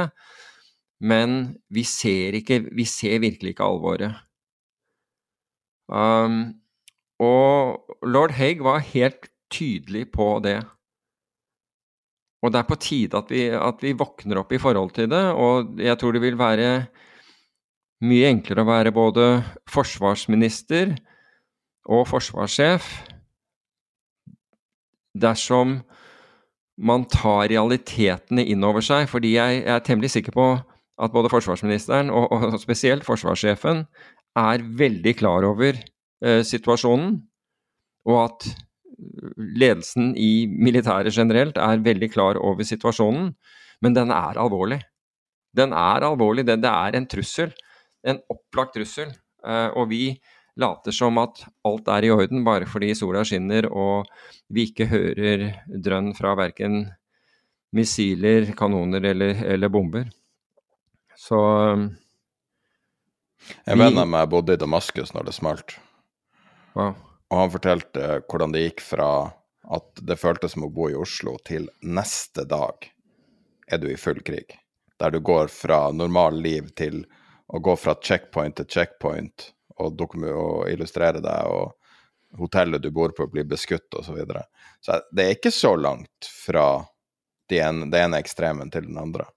Nei, det er jo ikke det. Og jeg, skulle gjerne ha sett at noen tar litt høyde for det. Hvorfor har vi fortsatt russiske Altså, i Tromsø, der jeg er fra, er det masse russiske fiskebåter fortsatt.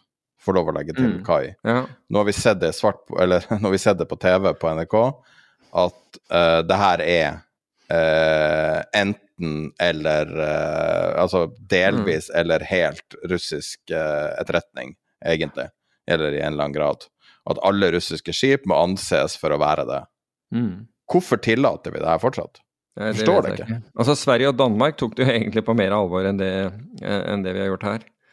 Fordi at feilmarginen er så utrolig liten. Hvis vi gjør noe feilkalkulering nå, hvem vet hvor det her kan ende? Men lord Haig eh, henviste jo til at man hadde, altså gjennom historien, og han gikk langt tilbake i historien, men så hadde man gjerne 20-30 år, og så skjedde det noe materielt. Hvor langt da- tilbake gikk han? For ah, han gikk way langt tilbake, jeg husker ikke hvor, hvor langt uh, han, han var. men det var way- 1066, liksom? Nei, jeg tror ikke Var, var det Hastings, eller var, eller, eller, var- eller var det 1066 var nå vel uh, invasjonen, var det- altså vikingene? det? Eller var det Stiklestad? Jeg husker ikke. Men, eh, men Stanford Bridge. Stanford Bridge. Eh, men, men poenget er at dette har vært rytmen over, eh, over Altså through human history, ifølge han. Og vi går ikke tilbake. Det er Altså, det som har nå skjedd, kommer ikke til å bli reversert. Det er ikke slik at selv om Russland trakk seg ut i morgen. altså Vi hadde nok vært eh, lykkelige da, og, og mye hadde vært forbedret, men situasjonen ville ikke være over. Jeg vil si for Norge er kanskje situasjonen verre, hvis Russland ikke har distraksjonen med Ukraina. Ja, mulig. Men Haig hadde jo truffet, eh, hadde jo truffet eh, Putin ved, ved, ved flere anledninger. Og, og det var det var ikke Chatham House Rules, og, nei, det, og i hvert fall ikke den jeg tenker meg om, den, den gikk på stream, så, så det går på en måte an. Og han sa hvor maktopptatt eh, Putin var. Altså Alt handlet om makt. Han viste makt med alt. Han viste makt med hvordan, eh, hvordan du ble satt i forhold til han. Lengden på bordet. Størrelsen på dørene som åpnes når han kommer inn. Når han liksom- tok med den største bikkja si for å møte Angela Ja, Merkel. var det Merkel? Var det det? Merkel, da. Ja, nettopp. Og, og, men også hvordan han vinket vekk folk i rommet. liksom, Du har ikke noe her å gjøre. liksom Bare dismiss dem. altså Alt handlet om å vise hans makt. Og det er klart at det er jo mange i Norge uh, som er gode på Russland, i og med uh, den geografiske lokasjonen til Norge i forhold til, til, til Russland, så er vi kanskje overrepresentert i folk som har Russland som, som, som fagfelt på etterretningsområdet. Så Norge kan veldig mye om dette. Men, men altså, det Haig sa, var at alt vil forandre seg. Alt har forandret seg. Det er bare at man ikke helt har, har tatt det til seg. Og en av de tingene som var interessant, og som handler om Uh, om det vi snakker om, da, som er, er finansmarkedene, det, altså hvordan man skal bete seg fremover. Og det er at hvert land vil, vil må, være, må være ansvarlig for sin egen utvikling. Og i det så sa han at eh, det er tre kriterier. Et land må være en, et, en home of innovation. Altså du må, du må, innovasjon må skje i, i ditt land. Du må oppmuntre uh, og oppfordre til innovasjon. Altså eh, domestic, altså innenlands in, innovasjon. Ikke, ikke det at ikke den innovasjonen kan, kan, kan gjelde ting som skal skje andre steder, men du må ska, innovasjon må skapes. Ble han Du møtt med latter i Norge, med tanke på at, hvordan vi skattlegger innovasjon? Med. Ja, jeg skal, altså her er det flere ting. Altså Han sa man, it has to be a home, a country needs to be a home of innovation. Du er nødt til å utvikle deg. Um, det, du kan ikke stole på at du får innovasjon fra andre på samme måten. Du må tiltrekke deg, og nå snakker jeg som land, så må man tiltrekke seg talenter. Du, må, du må legge til rette for at folk ønsker å bli i landet og utvikle. og du må tilrettelegge for kapital. Det siste man, kan du si at Norge har gjort gjennom en del ting, sånn som Innovasjon Norge og mange sånne, sånne løsninger. Men så vet vi at, man, at, det har vært gjort like mange, eller enda flere, ting som under, under den sittende regjeringen som er rett og slett næringslivsfiendtlig. Og så Haig ga da Han sa USA krysser av tre for tre. De er home of innovation, they attract talent, and they have the capital. Så, så kapital blir gjort til, til, tilgjengelig for deg. Han sa Europa i beste fall er på 1,5. Så Europa må virkelig skjerpe seg. Han sa ikke noe om Norge, men jeg tipper at Norge er på 0,4 eller noe sånt nå. Under denne regjeringen. Før så har det vel vært ganske brukbart, tror jeg. Helt, helt opplagt. Fordi man har innovert og man har gjort ting. Men nå er noen av de største innovatørene ute av landet, rett og slett. jeg ble, jeg ble oppringt av en gründer i forrige uke, jeg kjenner, som har et firma. Jeg har ikke lyst til å si noe som skal identifisere han, for jeg tror ikke han vil uh, snakke om ting offentlig. Men uh, for å si det sånn, det er et selskap som akkurat sånn type ting man vil ha, og så er det verdsatt høyt.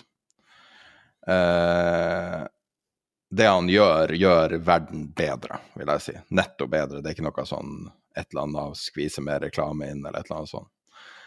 Og han sa at hvis det kommer de nye eh, formuesskattreglene som har blitt eh, diskutert, at hans, eh, at hans formue blir mark to market, så er han konkurs. Mm. Altså personlig konkurs. Fordi han kan ikke gå inn og få ut massevis av uh, Altså kan, kan, ikke bare gå ut og selge aksjer. Dette er et selskap som er i privat eie, så det er ikke omsettelige aksjer. Han kan ikke med eierskapsstrukturen gå og kreve utbytte. For det, for det er jo en vekstbedrift som ikke har så mye penger.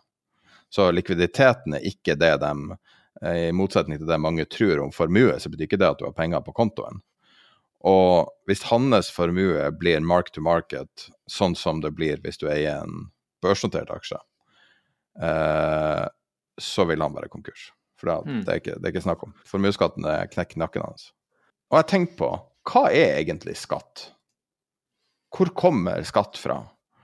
Og, og skatt er jo liksom en av de, eh, de her tingene at du Det er tre ting som er sikkert i livet. At du eh, Death og Texas, og at du kommer til å høre denne vitsen.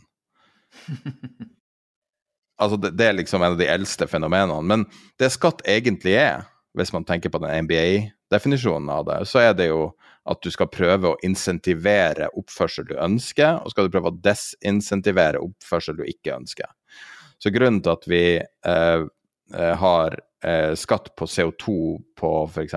på, eh, altså CO2-måling på biler, er jo fordi at vi har et ønske om å få lavere CO2, fordi vi måles på CO2 overfor EU og, og for oss sjøl. Og så har du eh, eh, skatt på forbruk, fordi at man ønsker ikke et ukontrollert forbruk. Og så ønsker du en måte å kunne gi litt tilbake hvis du bruker mye, som er da moms i praksis.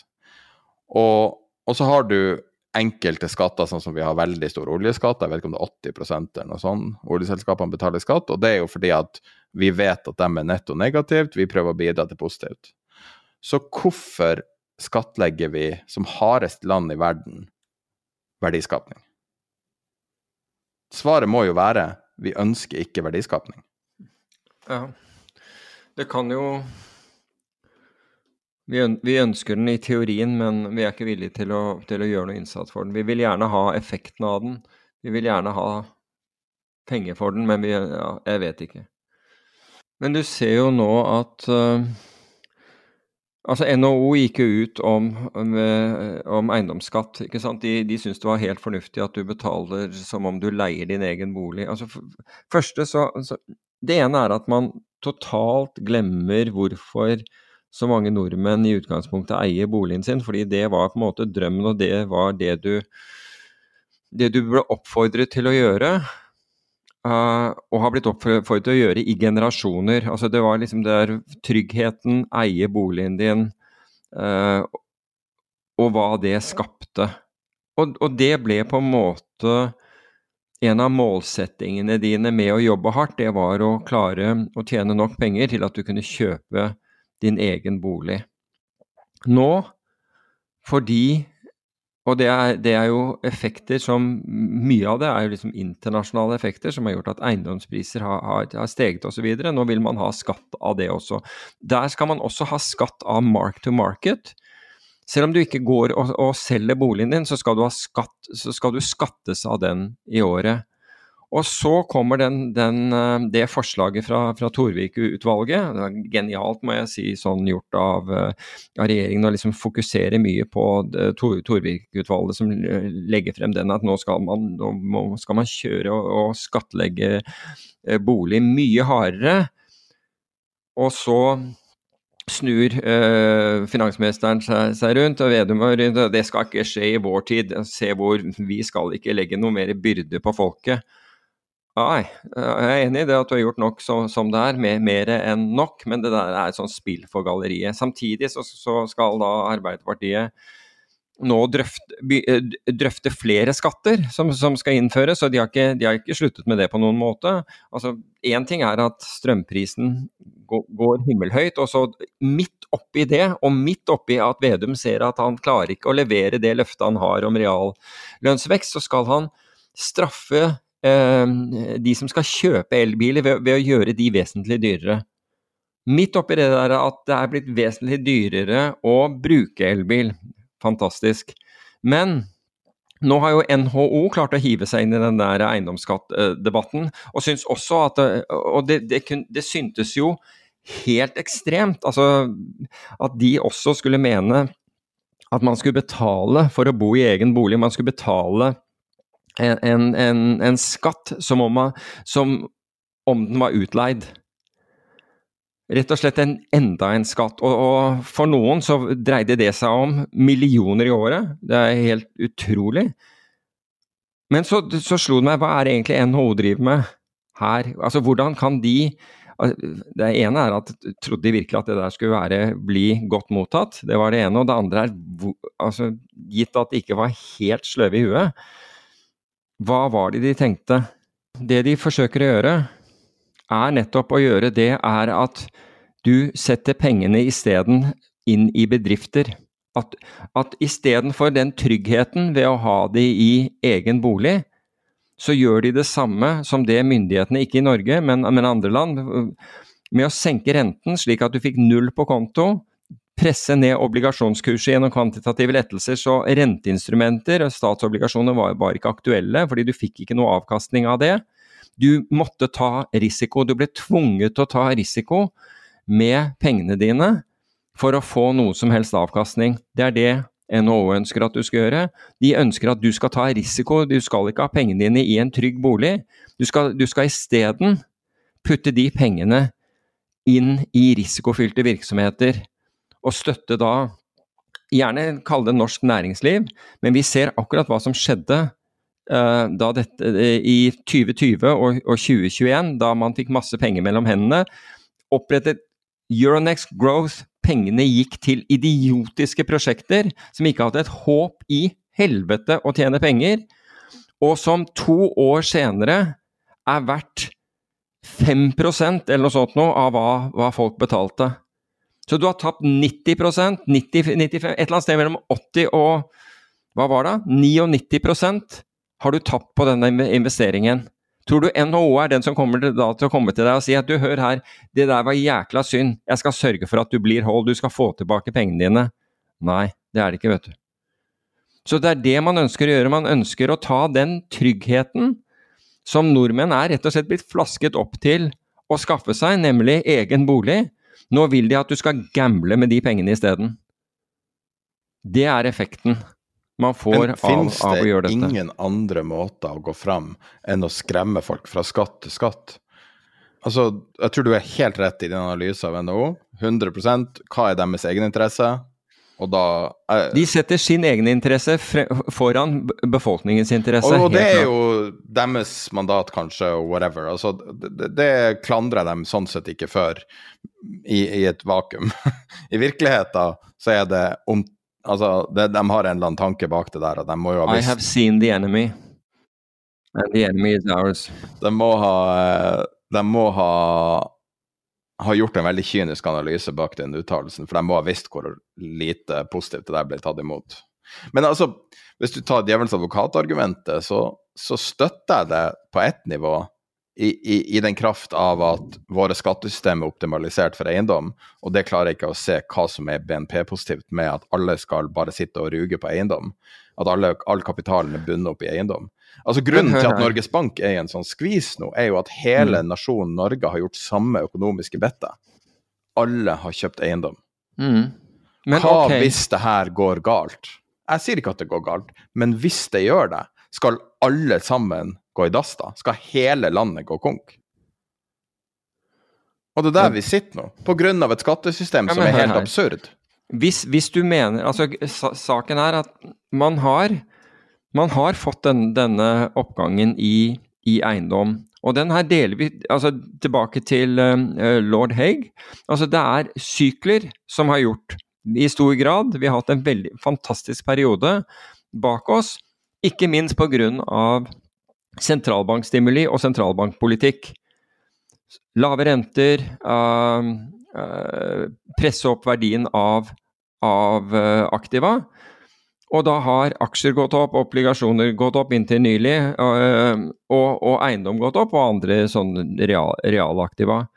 Men så, så, bruker man jo også den der unnskyldningen ja, hvis man skal få fradrag for skatt osv. Du skal ikke få fradrag for øvrig, du skal ikke få fradrag for oppussing og alt mulig sånn, men du, du skal allikevel betale. Altså det, det, skal du gjøre, men tilbake til det, det med, med, med, rentefradraget. Hvis du, ønsket å, hvis du ønsket å redusere etterspørselen etter bolig, slik at, slik at vi ikke konkurrerte så, så jæklig som vi gjør nå, så reduser skattefradraget, da. Men hvis du senker skattefradraget, så får du, så får du antageligvis ikke det presset på, på boligprisen som du gjør, istedenfor å si at, at skattefradraget skal, skal, stå, men vi skal skatte deg i hjel på, på, det som Vi skal tvinge deg ut av den boligen. Vi skal absolutt Vi skal tvinge deg til å selge.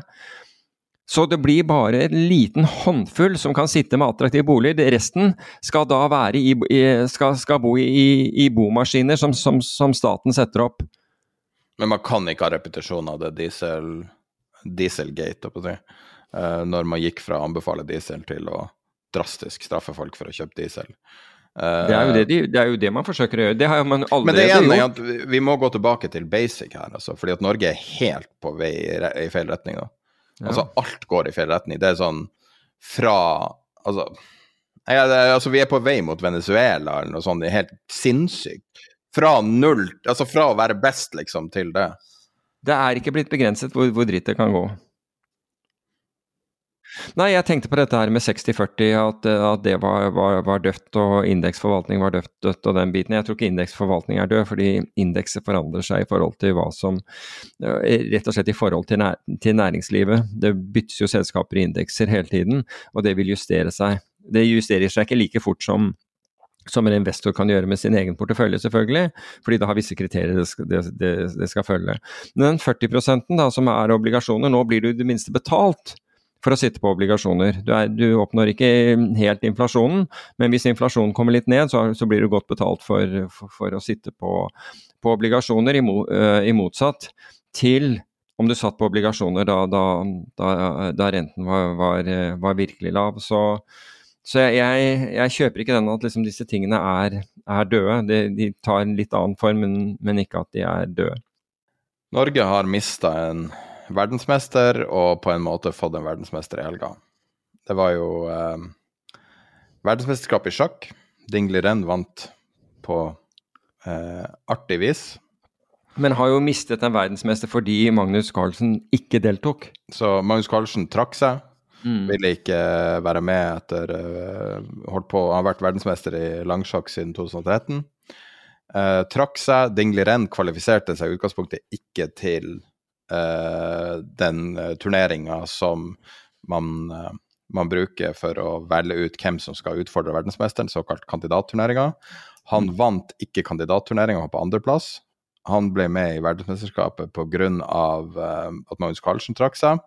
Han leda ikke ett sekund av kampen mellom han og, eh, og Nepomniachtchi. Og han vant på siste sånn, å, si, siste, siste, delen av overtida. Men han, han, vant akkurat det han trengte, og nå er han verdensmester. Jeg syns det var litt interessant. Ikke én gang leda han. Han skulle ikke ha vært der engang. Men det var ikke det jeg skulle snakke om, fordi at Norge har fått en ny. Uh, så i helga så tangerte Haaland uh, den Premier League-skåringsrekorden til Ellen Shearer og, og, Andy Cole, tror jeg. og vi er ikke så veldig interessert i fotball, men jeg tror vi er litt interessert i Haaland. Så jeg tenkte at til ære for Haaland så kan vi runde av med det her lydklippet. Men er han blitt verdensmester hvis han tangerte den da? Jeg vet ikke. Og, og har skåra mest noensinne i Premier League, vil jeg kalle okay. verdensmester. Uansett om du er okay. det eller ikke. Men vi kan Alright. runde av med den her episke episke lydklippet fra historien. og det, det er lov å være stolt av, av dyktige folk. Absolutt.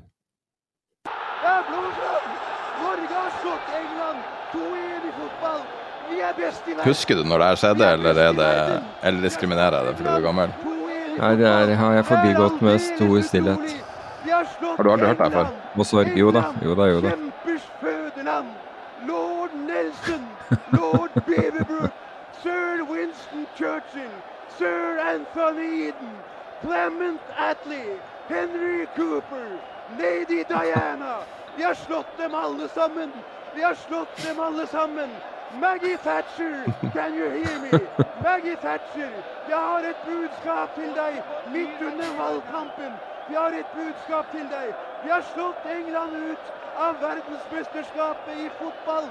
Maggie Thatcher, om de, som de sier på ditt språk, i boksebarene rundt Madison Square Garden i New York.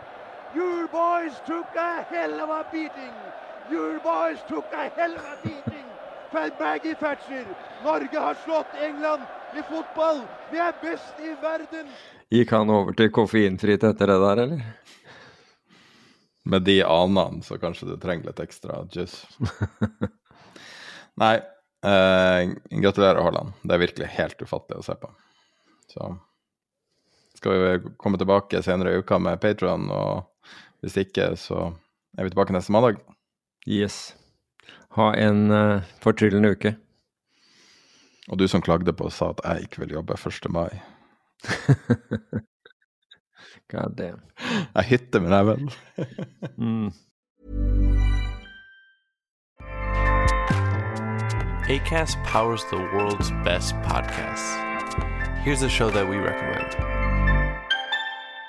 The Real Housewives is a guilty pleasure for most, but if you're looking to not feel guilty about that pleasure, tune in to Everything Iconic with me, Danny Pellegrino, where I break down all the messy moments and behind the scenes antics of Bravo's popular franchise. And on Everything Iconic, I also interview celebrity guests like Kelly Ripa, Kiki Palmer, Drew Barrymore, Cameron Diaz, and more about their guilty pleasures, their past work, and so much more.